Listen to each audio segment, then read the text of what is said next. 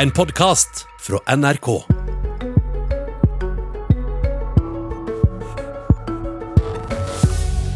Stopp the steal. Staten stjel skattebetalerne sine penger og deler dem ut til kapitaleiere i stedet for å forsikre arbeidstakerne, mener økonomiprofessor. God morgen og vel møtt til Politisk kvarter. Stopp til stil blei brukt av Trump-tilhengere som mente han blei frastjålet valget, men nå bruker du samme uttrykk i en kronikk i VG, professor i økonomi ved Universitetet i Stavanger, Torfinn Harding, og du bruker det i samband med milliardene som blir delt ut i støtteordningene. Harding, hvem er det du mener stjel? Ja, så Det er jo en spissformulering, selvfølgelig, for å sette fokus på det faktum at vi nå overfører store ressurser fra felleskassa til kapitaleiere. Og Det er stikk i strid med prinsippene i økonomifaget. Vi skal forsøke å gå litt inn i resonnementet ditt og, og, og, ta et konkret eksempel. Et hotell som har mista nær hele kundegrunnlaget sitt. Det er ingen konferanser, ingen uh, vil reise, og barn serverer bare cola. Hvorfor støtter støttetiltak er det de får som de ikke burde hatt, slik du ser det? Så De vil jo bl.a. nå kunne få kontantstøtte, som gis til bedrifter med store inntektsreduksjoner. Eh, og de, eh, den kontantstøtten kan gå til å dekke noen av de eh, faste kostnadene til hotellet. F.eks. leieutgifter eller elektrisitetsutgifter, den type ting. Men hvis dette hotellet da ikke hadde fått disse pengene, hva ville, ville det da gått konkurs? Det kunne ha skjedd. Eh, I første omgang så kan det gå utover eiernes eh, egenkapital. Eh, eieren må kanskje gå til banken og låne penger for å holde dette flytende. Men det som er viktig å få fokus på, er jo at mye av realressursene, som vi kaller det, altså bygningen, arbeiderne, oppskriften i restauranten osv., den norske fjorden, det vil typisk være der når pandemien er over. Når da etterspørselen kommer tilbake, så kan hotellet ta opp driften, og man, eieren kan fortsette å tjene penger. Ja, men hvis bedriften allerede har hatt gått konkurs, så har vel ikke eieren noe oppstartsmidler og ansatte for å starte opp igjen, da? Det kan du si, men det er jo kan være kostbart med konkurs, selvfølgelig, for eier spesielt. Men for samfunnet så er det som jeg sier, at disse realressursene, altså folkene, hotellet, og kanskje de fjorden og det som virkelig skaper de verdiene, det er der eh, i fortsatt. Eh, og eieren kan jo da, som jeg sa, typisk typisk hvert fall store eiere, store bedrifter, de kan gå til bankene f.eks. og få penger. Så kan vi selvfølgelig diskutere de små bedriftene og de bedriftene som er direkte nedstengt, påtvunget nedstengning. Men dette er en veldig bred ordning hvor Eh, det ikke bare gjelder disse bedriftene som er tvunget nedstengt. Nei, fordi at uh, dette er mange bedrifter som nå får kontantoverføringer. Og du mener at det er fire fordeler ved å la disse bedriftene få ta opp lån i stedet for å få denne direkte kompensasjonen. Hva er de fire fordelene? Ja, For det første så er det dyrt å kreve inn offentlige penger. Vi har, uh, høye, vi har skatter i dette landet her. Uh, vi vet at folk arbeider mindre når de betaler skatt. Vi vet at uh, man, det investeres mindre. Vi vet at det er dyrt å kreve inn skatter. Så det er det ene. Dette er dyre penger.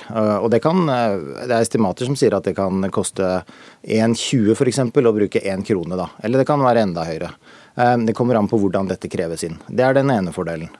En annen fordel er jo at uh, man kan få til mer omstilling. Uh, så en sånn ordning er jo veldig uh, orientert mot de bedriftene som allerede eksisterer.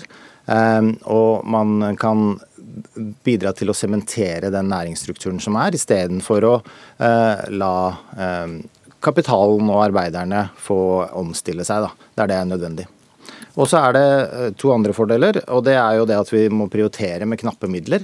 Hvis du ser på hva regjeringen anslo når de la fram statsbudsjettet, bare for å få størrelsesorden her, så eh, regna de med å bruke godt over 60 milliarder til støtte til bedriftene. 7 milliarder av det var eh, kompensasjonsordningen.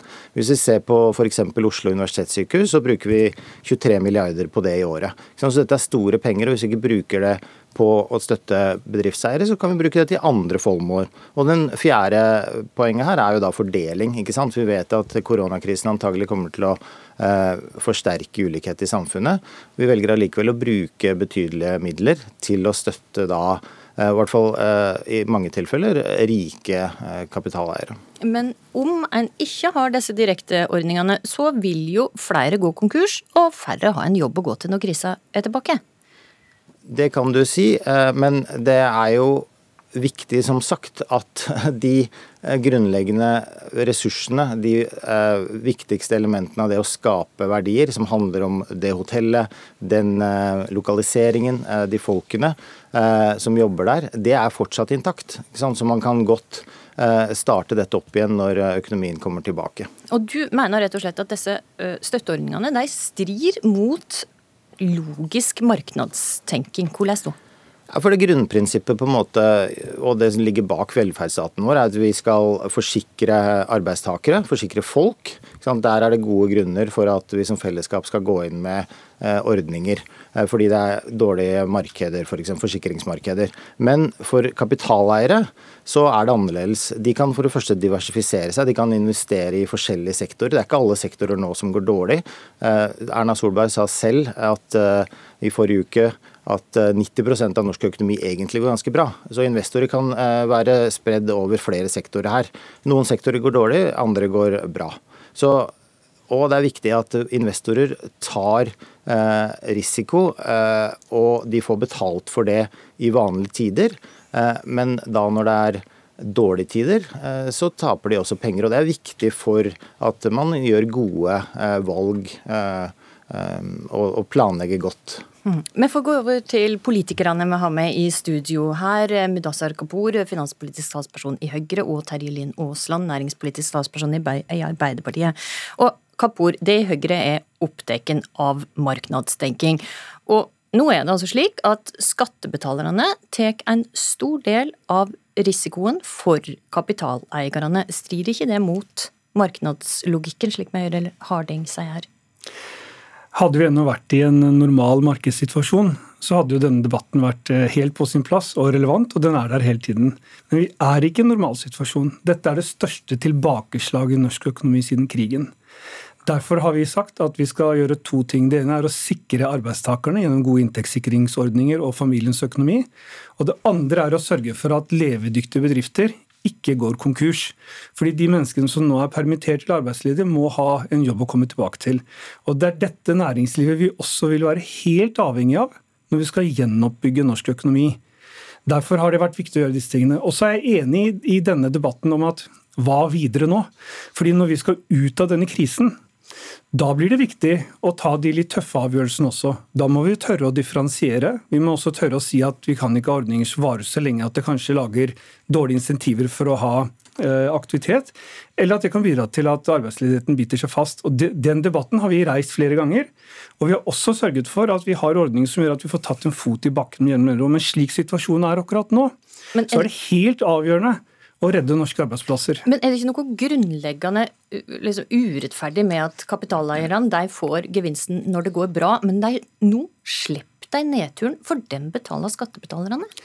Men dette er ikke en nedtur uh, som har skjedd i et marked. fordi at, La oss si du driver et hotell, da, uh, så opplever du ikke en nedtur nå fordi du har greid å omstille deg fra å drive analog annonsering til digital, eller at kundene dine sjekker inn selv osv.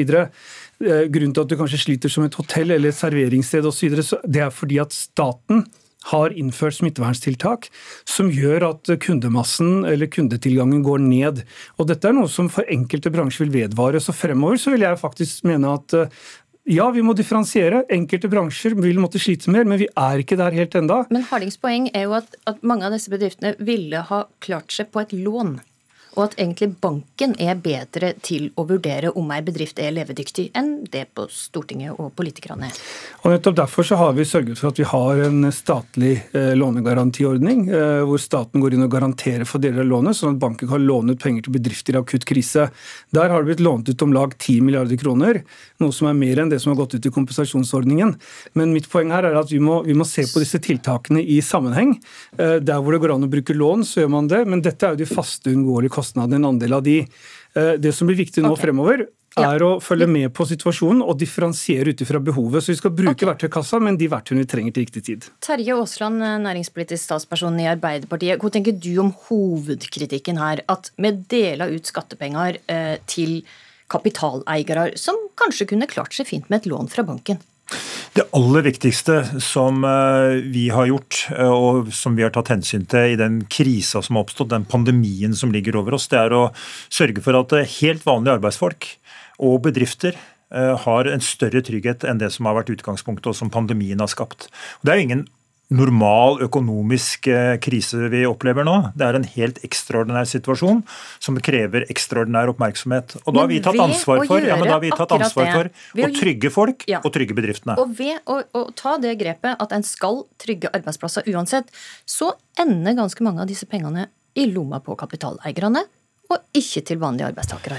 Vi vil sikre bedriftene, og det er det som har vært utgangspunktet for Arbeiderpartiet hele veien. Men vi har i tillegg, for å unngå nettopp at kapitaleierne stikker pengene i lomma og reiser av gårde med det og gjør det som de vil med det, så har vi vært veldig tydelige på at dette med utbytte det har vi sagt at vi ikke ønsker. Det skulle vært forbud mot å ta utbytte i den tida hvor de får offentlige penger.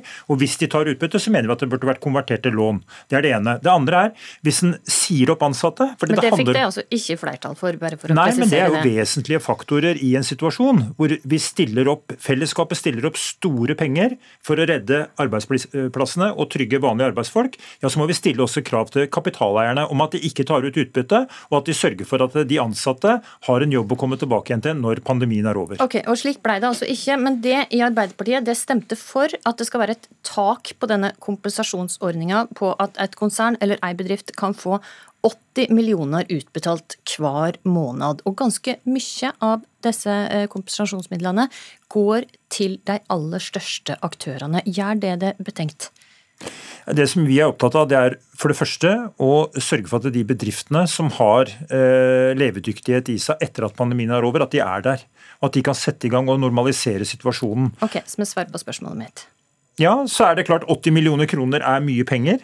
Eh, og det er stor støtte, god støtte til mange store bedrifter. og Da er det viktig at de følger opp det som jeg mener er, burde være en samfunnskontrakt, og burde ligge i bånn. Det er at ikke de sier opp folk, og at ikke de tar ut utbytte i den tida. Men at de bruker de pengene nettopp for å redde arbeidsplassene og trygge bedriften. Men går for mye av de pengene til de store, kapital, altså de store konsernene?